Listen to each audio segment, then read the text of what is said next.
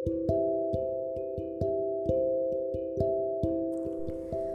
kamu yang menyukai kebebasan tanpa batas, ingatlah kepada pagi yang mataharinya terbit dengan tepat waktu dan terbit tak pernah menyalahi aturan seperti terbit di barat.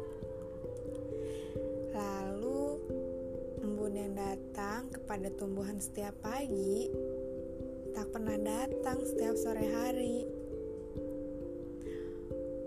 Kemudian udara yang selalu segar setiap harinya datang untuk menyegarkan seluruh makhluk hidup. Kemudian, langit yang cerah membiru selalu datang dengan warna yang sama. Keluar dengan warna yang berbeda, bukan?